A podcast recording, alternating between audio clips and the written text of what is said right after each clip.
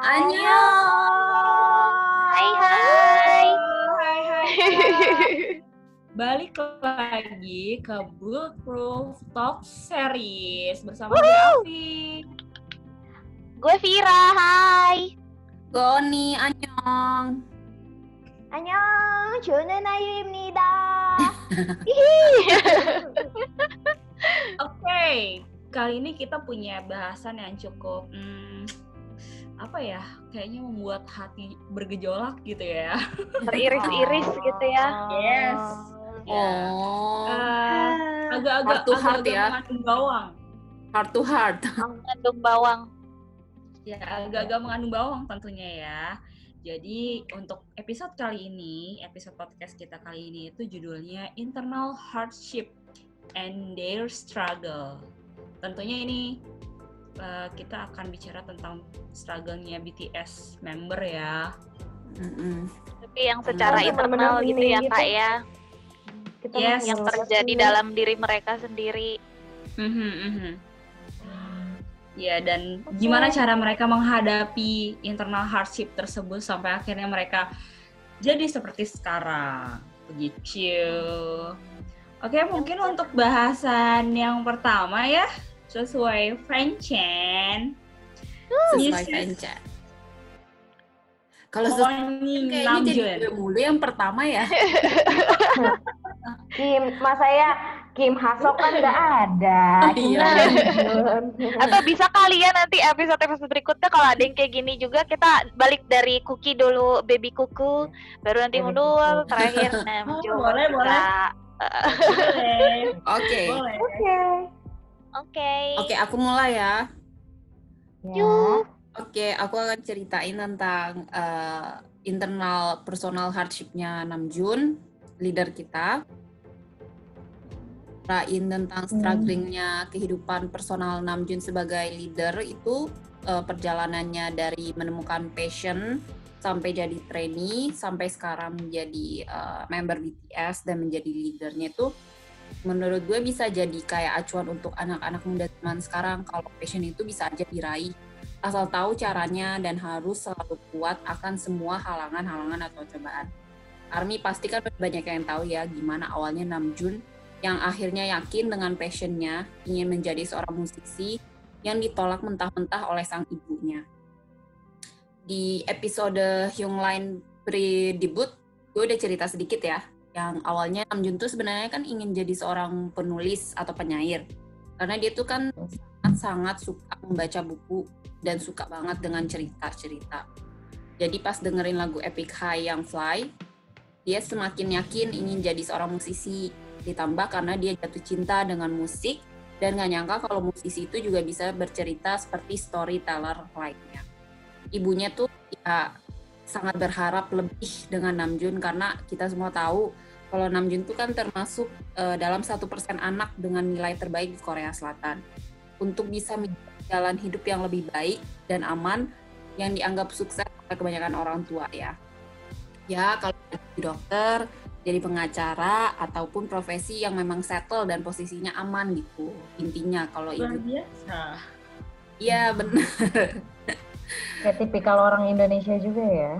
Iya, kayaknya hampir semua sama lah ya orang tua Hampir semua orang tuh pengen yang tua. terbaik untuk anak anaknya gitu. Terus Yap. Mm. yang gue salutin dengan Namjoon itu selama masa perjalanan hidupnya dengan eh, strugglingnya permasalahan permasalahan permasalahan dia sampai meyakinkan passionnya dia perilakunya eh, yang saat itu kalau nggak salah dia remaja ya di usianya yang masih 13 tahun yang ya kita tahulah anak muda dengan semangat membara yang hot blood bisa bisa banget dia tuh ngontrol emosinya dengan baik tanpa melupakan posisinya sebagai untuk selalu hormat kepada orang tuanya. Dia tuh ke ibunya melarang, dia nggak marah, nggak memberontak. Ya mungkin kita tahu sendiri lah ya gimana masa-masa remaja tuh ego, ego, ego seorang remaja tuh kan kuat, ingin betul. dipahamin, ingin selalu menang dengan keputusannya sendiri. Itu dia bisa banget ngeseimbangin eh, dengan baik antara sikapnya dia sama mengontrol egonya ketika ya ketiga dari ibunya sendiri itu yang menolak gitu loh. Mm-mm. Tapi dia nunjukin ya ke ibunya. Dia Nggak tetap pakai minggat dari rumah gitu-gitu ya tanpa iya izin. ya mungkin kan kebanyakan anak remaja lain yang ketika ibunya bilang nggak boleh kayak gini mungkin ada yang sampai berantem atau nggak mungkin dia minggat dari rumah atau apa ya Mm-mm. tapi dia tetap belajar tapi juga sambil mencoba peruntur peruntungannya di- peruntungan. Heeh, dengan passionnya yang ingin dia buktiin itu dia juga diam-diam ikut perkumpulan underground hip hop belajar dari eh, teman sesama eh, hip hop terus dia juga mulai menulis eh, apa lirik di belakang buku tulisnya ya kayak gitu jadi dia tuh terus berusaha tapi gak juga memberontak ke ibunya yang seperti tadi di awal Meskipun kertas-kertas liriknya pernah sampai dibuang ya sama mamanya. Iya. Iya benar. Nah ini dia passion itu kan ya susah-susah gampang dan penuh misteri. Ya seperti itu. Namjoon juga ketika ibunya tahu kalau dia masih terus berusaha untuk mencoba menjadi seorang musisi. eh, Buku-buku tulisan lirik-liriknya itu yang eh, yang dia tulis akhirnya ketahuan sama ibunya dirobek sama ibunya sendiri pokoknya semua hal yang Ya Allah. sama musik pada waktu itu kayak dicoba untuk dihancurkan oleh ibunya sendiri kayak dihitam dari Karena nggak dunianya. setuju ya, saking nggak setujunya Saking sama nggak keputusan Namjoon. Mungkin mamanya juga mikir sayang gitu kalian nih anak gue cerdas banget gitu malah ke arah yang nggak pasti gitu ya pasti Mm-mm. mamanya mikir kayak gitu. Iya sih, bener, bener itu. Jadi bisa dibayangin nggak sih kalau misalnya ya kita di posisi Namjoon atau enggak anak-anak lain lah remaja masa itu, mungkin sih feeling gue kebanyakan anak-anak pasti akan ikut memberontak atau enggak marah kali ya. Nah kalau Namjoon Iya marah-marah. Iya benar. Tapi di sini tuh ya itu lagi-lagi gue belajar dari dari perjalanan hidupnya Namjoon dan gue baca-baca tuh anak kok bisa banget ya dia bagus mengontrol egonya itu. Jadi eh kalau ingin berhasil dalam menjalankan cita-cita ya nggak perlu dengan kita marah-marah dengan keadaan, menyalahkan keadaan, atau misalnya menjadi benci sekitar yang nggak mendukung kita karena nggak setuju. Betul betul. dengan kepala dingin dan nunjukin kalau kita bisa pasti hasil juga nggak akan ngebohongin. Yaitu yang seperti kalimat Namjoon yang eh Namjoon yang pernah dia bilang ke ibunya kayak ibu ibu ingin anaknya di urutan pertama atau di urutan kelima ribu. Jadi benar omongnya Namjoon itu adalah doa dan akhirnya eh, omongannya dia sendiri tuh jadi kenyataan dan akhirnya kan ibunya luluh dan restu dengan perjalanan karirnya Namjoon. Ya, kalau Namjoon tuh sangat-sangat menghormati Namjoon. kedua orang tuanya. Jadi kalau walaupun awalnya eh, orang tuanya tuh sangat keras eh, mendidik dan menentang banget untuk terjun ke dunia musik, Namjoon tetap kayak yakin kalau dia yakin kalau orang tuanya itu pasti emang memberikan yang terbaik, tapi dari kita ya sendiri kalau misalnya kita bisa nunjukin pasti orang tua kita juga akan luluh. Gitu deh. Oh. Setelah jadi Dia Pelajaran hidup banget ya. banget Iya banget. Mungkin Itu. awal mulanya tuh orang tuanya Namjoon tuh tipikal yang ini ya, musik itu tuh hobi gitu loh, bukan karir di masa Bukan iya bukan karir. Betul Iya. betul. Awal- Mm.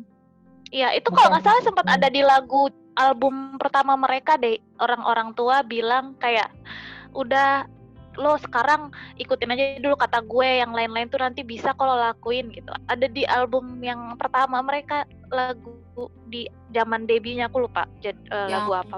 Pokoknya Nomor ada Dream? verse kayak gitu. Bukan. nomor dream ya kalau nggak salah. Nomor pokoknya kayak dikasih di, dibilangin kayak udah itu ntar aja yang musik gitu Yes, benar-benar. oh, ada lagi kalau nih Setelah aku Ini boleh lumayan. tambahin oh, boleh udah boleh boleh boleh. Boleh. aku tambahin dikit ya Oke. jadi tuh dulu eh Namjoon tuh sering insecure banget sama tampakannya terlepas dari perkataan orang-orang di luar sana ya gitu. Hmm. uh, insecure terhadap dirinya sendiri secara secara umum gitu. Di lagunya dia yang reflection ada liriknya dia yang kayak gini I want to caress myself but you know sometimes I really really hate myself. To be honest quite often I really hate myself. When I really hate myself I go to Duk Tuksam Tuksam itu ada area di di Seoul ya tempat kayak malam tuh suka kayaknya kalau nggak salah sekitar Hanggang kali ya kayak di mana orang-orang tuh suka malam-malam jalan di situ gitu kayak taman-taman pinggir Hanggang gitu. Terus dia bilang I just stand there with the familiar darkness with the people that are smiling and beer which makes me smile coming to me softly fear which holds my hand.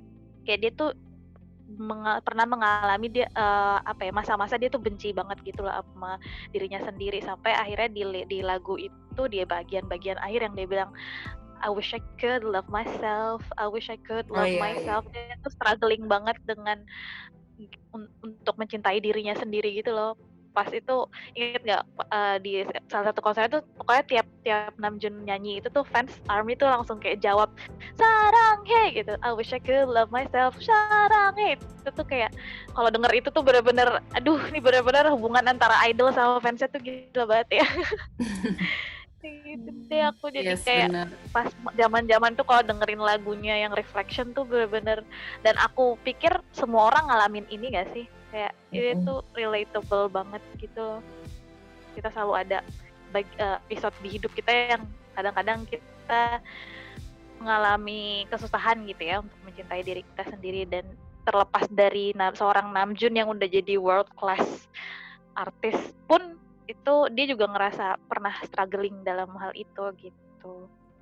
Ya, itu Karena itu setelah dia jadi eh, maksudnya dia setelah jadi member BTS dan akhirnya dipilih. Udah udah iya udah Oh, debut berapa Iya. tahun kan itu sebenarnya udah di Oh. atas sebenarnya mereka cuma tetap aja gitu bahwa mereka tuh nunjukin bahwa eh, uang dan fame dan segalanya tuh bukan sesuatu yang bisa benar-benar bikin lo bahagia gitu. dan sampai sekarang pun ya kalau nggak salah aku pernah eh gue pernah nonton yang waktu dia banyak cerita juga ya di Bring the Soul movie. Kalau dia tuh suka ngerasa self conscious eh kok eh, suka kehilangan jati diri.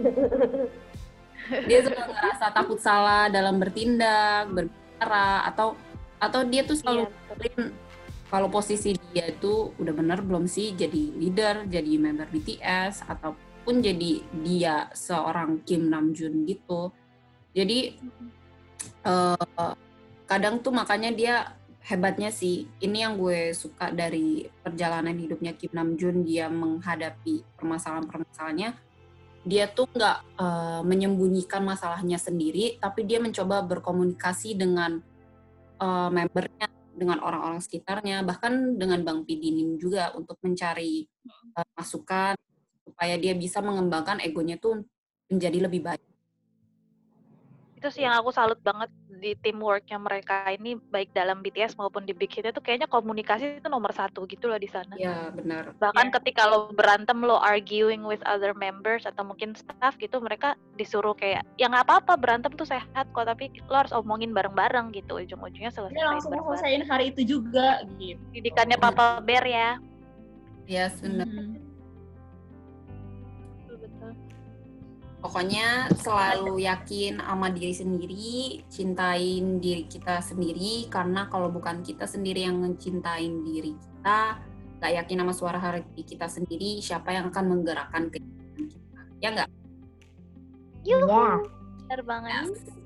Begitulah. Kalau nggak salah itu ya apa sih namanya pernah disinggung sama Namjoon ya yang terkait mencintai diri sendiri itu di salah satu konsernya dia pernah ngomong kan gue kalau ngeliat diri gue tuh mata gue gimana ya dia tuh kayak ngegambarin fisik dia tuh tapi kayak nggak banget gitu loh dia sendiri Oh iya ngomong iya, sampai aku, iya akhirnya aku tahu tuh. Iya, iya. Iya, itu kan dan Iya. sampai akhirnya dia ngomong ya gue harus bersyukur gue harus mencintai diri gue ya udah gini apa adanya tapi gue tuh gue tetap harus cinta sama diri gue gitu dia kan pernah Yes. ngomong tuh nggak salah betul. that's itu sangat dalam sih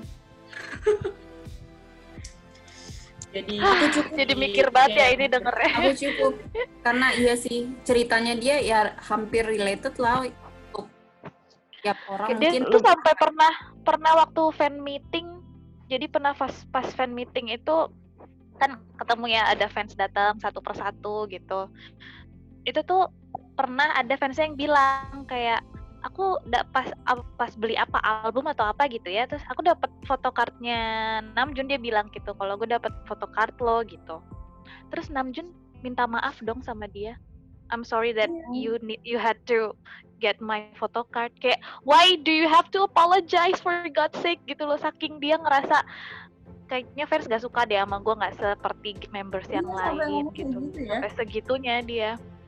Insecure. Sedih gak sih dia minta maaf ke fansnya yang dapat photocardnya dia kayak ah Namjuna gitu. Rasanya pengen peluk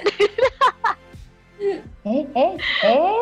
Eh, jangan ngadi ngadi. Mohon maaf ampun. Part itu udah udah itu sudah sangat menyalahi aturan di grup kita. Bercanda, bercanda, Bentar lagi. bercanda. bentar lagi kita perang stiker ya Perangnya cuma berani pakai stiker doang kata-kata aneh juga. aduh oke kalnya udah tentang Namjoon aku cukup sih nanti kita cerita cerita lagi masih banyak sih cuman nggak mungkin kan aku ceritain semua karena atas pokoknya nanti kalau ada kita cerita kembali Oke. Oke, next. Selanjutnya aku cerita tentang Jin ya, Kim Sok Jin. Kim, Hmm. Kim Sok Jin. Jadi eh, salah satu hal yang jadi inner struggle-nya Jin itu yang paling utama adalah eh, mengenai kemampuan pribadinya ya dalam hal eh, musik gitu. Karena kan seperti kita tahu kayak aku pernah sempat cerita di episode pre-debut Hyuk Line kemarin bahwa Jin ini salah satu-satunya member yang benar-benar nggak ada background sama sekali dalam hal vokal maupun dance gitu. Jadi benar-benar dia mulai dari nol banget gitu. Makanya dia struggling banget ba- mengejar ke- ketertinggalan itu di mana teman-temannya yang lain udah sejak sekian tahun sebelumnya terjun ke dunia ke dunia musik. Eh, Jin baru mun- baru terjun ke dunia musik macam satu satu sampai dua tahun sebelum dia debut gitu. Jadi bahkan waktu pas mereka debut stage semuanya tuh pas selesai gitu kayak yang wah gitu kita akhirnya debut akhirnya debut gitu tapi Jin nangis di situ karena dia ngerasa gue nggak gue nggak sempurna. Tadi gue performnya nggak sempurna gitu. Kalau kalian pasti lihat ya guys waktu yang mereka habis debut stage itu semua yang happy happy gitu Jin nangis sendirian karena dia dan aku ngebayanginnya tuh wajar karena yang lain kan udah udah di udah terjun di dunia performance sekian tahun sebelumnya ya yang nge-rap pun udah pernah perform di depan banyak orang yang dance juga J-Hope Jimin juga pernah di depan banyak orang gitu Jungkook sempat ikut eh, survival Gitu. Eh, eh, eh, yang di LA juga terus yang apa waktu awal-awal itu yang ikut eh, survival nyanyi gitu. Maksudnya semua tuh udah pernah bersentuhan gitu bersinggungan dengan eh, dengan penonton gitu. Sedangkan Jin baru saat itu doang dia terjun ke ke performance yang ditonton banyak orang gitu. Jadi aku ngerti sih kenapa dia waktu itu nangis parah banget gitu. Karena dia soal dia ngerasa gue nggak perfect gitu dibanding yang lain. Waktu dia di lagu Awake di album Wings dia nyanyi tentang dirinya yang nggak bisa terbang sejauh members yang lain bahwa dia paling kurang talented dibanding yang lainnya.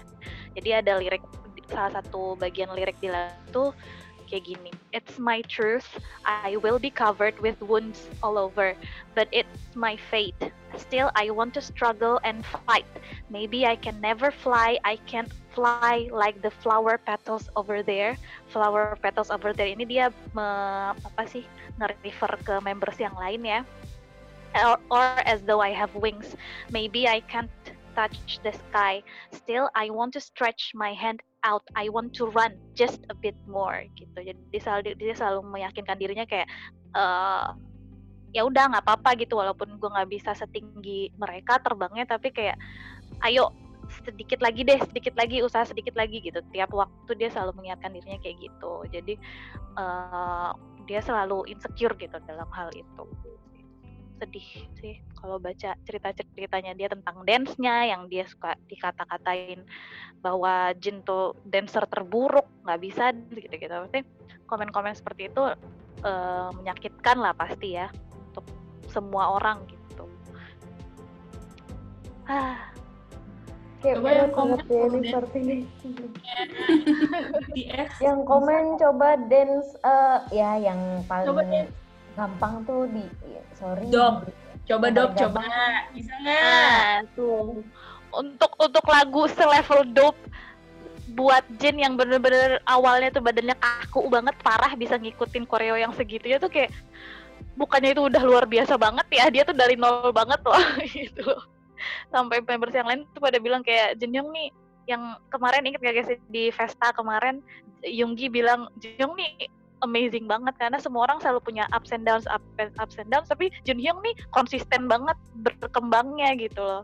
Stabil. Dia uh, uh, stabil. Perkembangannya tuh stabil gitu. Sedikit sedikit tapi stabil. Hmm. terus bahkan sampai pernah sampai ini. uh, iya parah sih. Gila on on parah sih. Kalau dan sampai, itu tapi emang haters tuh racun banget. paling susah ya Iya parah. Buat mereka aja itu termasuk dance yang paling susah. Gue pernah uh, nonton salah satu dancer. Ini kalau si cowok ini gue lupa namanya siapa. Dancer cowok ini nih memang sudah profesional dan dia menilai uh, dance-nya Jin dari awal pertama mereka debut sampai yang terakhir itu di on. Dia nilai dari cara bah bahu uh, bahu sampai lengan gue nggak tahu ya cara penilaian dancer tuh gimana kan biasanya lebih detail ya dia menilai hmm. dari bahunya Jin tuh udah bener-bener bentur banget ngikutin beat dari siapa dia bilang katanya udah beda ya. power powernya tuh udah ada dari dari bagian bahu sampai ke ujung jari tangannya pun kasarnya tuh udah bener-bener iya, iya. banget udah enak Luar dari biasa. itu gue kayak langsung ngerasa kan biasanya Jin suka ngerasa apa apa pohonnya kayak eh pohonnya badannya kayak batang kayu apa apa gitu bahasanya. Oh iya iya iya iya iya. Terus kayak nepok apa kayak gitu. Seolah mukul dirinya sendirinya gitu kayak ah bad bad body bad body gitu. Saking dia bencinya sama badannya yang kaku waktu itu. Uh, uh, ngerasa itu badannya tuh kaku banget gitu dan gue lumayan uh, bukan lumayan lagi gue seneng banget pada saat gue nonton reaction itu ada di YouTube gitu. Yuk tuh. Oh ya salah satu, satu lagi strugglingnya Jin tuh sebenarnya ya kalau kita kalau kita selama ini yang kita tahu kan Jin worldwide handsome ya visual gitu hmm. gitu deh sejak dia debut tuh Jin dikasih role visual karena itu sesuatu yang biasa di semua grup K-pop idol tuh selalu ada members yang dikasih tugas sebagai visualnya gitu loh tapi uh, kalau kita lihat ya di live live uh, jadulnya Jin yang zaman masih di YouTube tuh. Vlog-vlognya dia dia sering insecure gitu loh. Insecure kehilangan visualsnya dia gitu. Pernah bahkan pernah dia bilang uh, waktu di log itu ya dia bilang akhir-akhir ini uh, ini dia nyebutnya Sajang Nim ya, presiden bisa jadi Papa Bear atau kan Big Hit kan ada punya beberapa pimpinan ya sekarang uh, dari zaman dulu sih sebenarnya. Dibilang tiap ketemu gue dia selalu bilang gue gemukan gitu. Terus mungkin saat itu dia ngomongnya kayak bercanda tapi kita nggak pernah tahu gitu. Mungkin hmm, dengan yeah. dengan komen komen staffnya yang di company-nya ngomong kayak gitu, dia bisa kepikiran banget gitu karena itu role besarnya dia di BTS gitu kebayang nggak sih ditambah-tambah dengan betapa racunnya haters atau army ngaku-ngaku army tapi ngebenci members tertentu gitu. Yang AG, AG, bilang AG. itulah itulah uh, kan tipe army yang AG yang cuma nge-stand satu doang terus yang lain dihujat-hujat gitu. Itu racun banget. Dia tuh berusaha banget untuk memaintain image visualnya di BTS dan kadang-kadang kita army sering gak ngerti gitu betapa susahnya bagi seorang idol untuk dengan tuntutan visual seperti itu jaga penampilannya apalagi mereka kan terus bertambah ya umurnya semakin susah untuk maintain bad tubuhnya visualsnya gitu dia takut banget mengecewakan orang-orang yang berharap banyak sama dia hmm. Nah, cerita ini sebenarnya setidaknya 2 sampai 3 tahun pertama debut ya. Terus tapi mungkin kalau kita perhatiin juga sejak sejak Fire dia bilang sejak Fire nih turning back point turning back pointnya dia kayak dia makin merasa confident gitu makin mulai mulai bisa mencintai dirinya sendiri gitu. Apalagi tambah-tambah lagi waktu zaman Love Yourself gitu. Dia kelihatan banget confident dengan dirinya apa adanya gitu. Bahkan dia yang silly silly silly banget malah kayak sengaja gitu biar jadi ketawaan bahan ketawaan membernya yang lain atau army. Kelihatan banget gak sih kita tuh bahkan uh, sebenarnya mau seimperfect apa pun seseorang kalau kalau dia percaya diri gitu pasti kelihatan kan ya glowing keluar gitu walaupun dia nggak berusaha banget ya nggak sih guys kelihatan banget sih. Hmm, Wuh, langsung kaca. Yourself. Kibas rambut. Mohon maaf ya, si abang Jin yang gantengnya kira-kira dari kecil sampai gede aja ngerasa insecure kayak gitu coba. Nah, ya kan? Bingung gue. Gue takut kepancing nih mau nyinyir. Gue cuma takut kepancing kalau ada omongan gue gitu. Jangan. Tahan. Ini maksudnya uh, apa ya? kita kita semua tahu ya Otis Seven itu gantengnya nggak gantengnya nggak kira-kira coy mm dari kecil eh itu tuh nggak ada yang berubah kan gitu loh mm buat mereka tapi insecure ya. Gimana coba itu? Original, original visual mereka. Tapi emang itu menunjukkan sih emang nggak nggak semua orang benar-benar bisa langsung pede dari nol gitu. Semuanya pasti ada hmm. masa-masa insecure baru kemudian belajar untuk mencintai dirinya sendiri. Itu itu tuh butuh proses yang panjang juga ternyata gitu. Bahkan untuk seorang yang tampaknya perfect kayak mereka. Okay. itu deh. Kita lanjut ya Minyunggi. Minyunggi. Minyunggi. Oke, okay. kali ini gue mau bawain Sugar Internal Hardship atau Minyunggi. Jadi Minyunggi ini uh, menurut penilaian gue sih dia lebih kayak ke apa ya rasa kayak depresi gitu sih ya. Uh, yang pertama banget dia depresinya itu masalah fisiknya gitu dari ukuran tubuh Suga yang dulu tuh lumayan gemuk banget pada saat itu. Jadi Suga tuh sempat Tapi membagikan uh, uh, sempat membagikan kisah ini tuh pada sebuah wawancara radio di tahun 2014 tentang perjuangannya ketika menderita depresi soal berat badannya yang uh, dia bilang tuh frame frame uh, lebih kayak mungkin kalau bahasa kita tuh lo kalau ngelihat gue di foto ataupun kerangka badan gue tuh, tuh gue bener-bener gede kelihatannya aja sekarang. Gue kurus kecil gitu kan. Karena itu sebenarnya juga udah bener-bener berusaha keras banget gitu. Kayak workout di olahraga basket juga salah satunya. Dan juga itu uh, ngomong di wawancara tuh ngomong kayak gini dulu tubuhku cukup besar orang mungkin tidak percaya, tetapi aku memiliki kerangka yang sangat besar sehingga aku bekerja sangat keras dalam berolahraga. Setelah bahuku terluka, yang karena dia kecelakaan waktu itu, yang dia sebagai kurir delivery itu, uh, saya uh, aku ke rumah sakit dan dokter mengatakan kepadaku untuk tidak berolahraga. Aku bekerja keras agar tetap lelah dan lelah. Jadi dia tuh ngerasa kalau udah terus capek kan jadi ter, lebih terkuras gitu kayak mungkin kalorinya atau apa. Jadi dia bisa lebih cepat kurus. Pada saat itu juga berpikiran seperti itu. Dan permasalahan visual lainnya adalah kaki juga yang benar-benar slim. Ya gue juga kadang ngerasa insecure sendiri kalau ngeliat kakinya juga ya. Jadi itu kaki tuh, idaman semua cewek deh Iya, itu kaki idaman semua cewek. Kaki Suga yang slim pernah jadi bahasan dalam sebuah artikel yang berjudul Fans Shocked to Discover that Feminine Legs Actually Belong to a Popular Male Idol.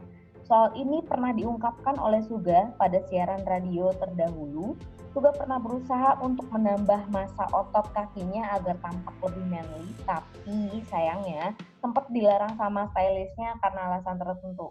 Mungkin karena males ya gonta ganti ukuran kan karena kalau idol itu biasanya udah ada fitting pasnya ya. Iya iya iya. Dan rata-rata tuh tiba-tiba pas dipakein kok nggak muat iya. gitu ya. Mungkin sebel lah stylistnya. Karena masa otot uh, kakinya udah udah mulai bertambah gitu. Uh, uh dan itu memang jadi salah satu PR PR banget sih sebenarnya kalau untuk stylistnya dan juga tuh kayak ngerasa apa ngerasa makin insecure karena banyak banget komen tuh yang gini damn youngest legs are prettier than than girls gitu. Itu cewek-cewek aja mayoritas ngomongnya tuh kayak gitu. Dan masalah visual sama tingginya Suga tuh yang menurutnya belum setara untuk standar seorang idol pada masanya gitu. Karena pada zaman waktu itu tuh yang memimpin industri K-pop mayoritas tuh kan artis-artis dari Big Three ya.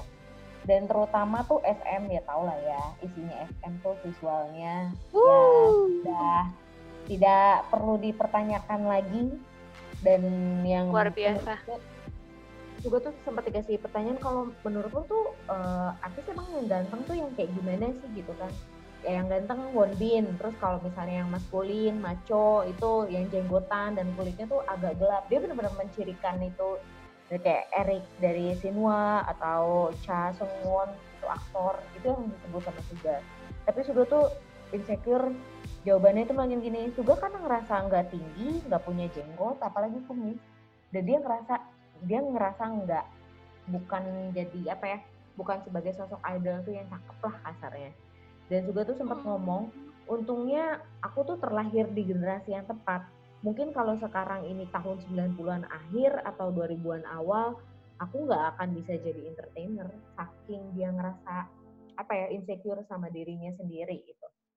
Dan di lagu uh, Tomorrow di album School of Affair tahun 2014 itu juga tuh sempat ngungkapin di dalam lagunya uh, soal rasa insecure gitu kan kalau saya ini ingin jadi bahagia dan kuat, tapi kenapa saya menjadi lebih lemah? Uh, saya mau ke mana? Saya mau pergi ke sana sini, tapi saya selalu kembali ke sini. Ya, saya mungkin akan mengalir di suatu tempat. Um, apakah ada akhir dari labirin ini? Itu salah satu ungkapan dari kondisi Suga yang ngalamin depresi pada saat itu dan di mixtape Agustinya Suga di tahun 2016 itu ada di lagu The Last itu sudah terang-terangan menceritakan bahwa ia pergi ke psikiater untuk mendapatkan bantuan profesional dan juga tuh ngegunain musik sebenarnya sebagai salah satu terapi pengobatan agar dapat merasa lebih baik. Jadi yang dialami juga itu depresi, OCD sama sosial fobia. Jadi kalau nggak salah dia pernah ya yang pas setelah dia awal-awal debut itu dia bilang kalau setelah perform dia langsung ke kamar mandi nangis karena ngerasa ketakutan dilihatin banyak orang. Iya betul. Nah, itu itu salah satu ciri dari sosial fobia itu sendiri. Jadi dia kayak ngerasa takut aja gitu. Dan uh, lainnya tuh kayak musik dan masa depan juga gitu. Karena dia pernah ngomong pas di pesta dinner yang dua tahun lalu, uh, dua tahun lalu ya, pas iya. selesai perform di American Music Awards itu juga nangis di kamar mandi. Bukan karena ngerasa ya ampun akhirnya gue akhirnya sampai di titik ini tapi nangis karena ketakutan dengan segala kesuksesan mereka saat itu. Ngerasa semuanya benar-benar jauh di atas yang pernah mereka bayangkan sebelumnya. Jadi nangis mikirin gimana caranya lanjutin hidup dengan segala beban yang jatuh kepada mereka yang notabene-nya itu grup idol besar dan dikenal di seluruh dunia gitu yang harus tampil sempurna tanpa celah kayak nggak boleh ada salah sedikit pun dinilai oleh jutaan pasang mata itu tuh jadi tekanan buat mereka kayak gitu. Iya betul betul. Ya, ngerasa apa yang ngerasa selalu insecure gitu soal kesuksesan mereka kayak takut jatuh uh, apa ya takut suatu hari itu bakal jatuh secara drastis karena alasan tertentu soal iya, kondisi iya. mereka gitu limit karena orang sebesar mereka salah dikit aja jatuhnya bisa benar-benar drastis ya. Iya jadi mereka itu kadang suka ngerasa ini kalau gue udah nggak bisa menghasilkan musik gue nggak bisa kreatif lagi ini gue harus ngapain? Gitu. Mereka jadi bingung dan kayak kehilangan tujuan itu arah tujuan. Itu sih jadi uh, juga juga kan akhirnya ngomong apa mengungkapkan ini di shadownya dia juga kan yang pas di album itu yang aku salut banget sama mereka mereka tuh nggak pernah takut untuk menunjukkan sisi gelapnya mereka gitu loh. Hal-hal yang jadi kekhawatiran besar terbesar mereka gitu. Malah semuanya jadi inspirasi buat karya mereka berikutnya. Itu tuh yang luar biasa sih di BTS ya, benar. itu kan jadi inspirasi buat Shadow ya album album ya. Map of the Soul ini semuanya tentang struggles mereka karena berada di di atas awan gitu loh istilahnya ya posisinya sekarang. Iya okay. dan tuh. Ya, yes, itu benar. kita nggak pernah kepikiran maksudnya kita nggak nggak pernah kepikiran kan di atas sana mereka memang mungkin terlihatnya kayak banyak silau banyak gemerlap apa tapi kan juga pas di shadow pun dia bilang kalau di atas sini tuh bener-bener mencekik rasanya dan bener-bener apa ya sepi sunyi gitu istilahnya uh, Yunggi tuh dia bilang kayak apa ya suffo- suffocating gitu loh kayak kehabisan Suffocating, udara uh, uh. dan dia, dia juga bilang bahwa semakin semakin terang cahaya yang jatuh pada kita tuh semakin gelap juga bayangan yang ada di belakang kita itu yang apa sisi gelap dari fame ya Gelap. dari ketenaran. Ah begitu dalam ya obrolan kita hari ini guys. Luar biasa. Itu masih banyak. Untuk dan kita Ah, bakalan masih banyak berikutnya. Betul betul. Jadi J-Hope, berikutnya J-Hope, Park Jimin, uh, Kim Taehyung dan. Jung Jungkook. Jungkook. bakal salah kalah kalah deep ya obrolan kita nanti dalam banget. Oke. Oke. Oke, sampai sini dulu ya guys. Sampai ketemu, Sampai ketemu next di episode. episode berikutnya. Annyeong. Dadah. Annyeong. Borahe, borahe. Bye, purple you.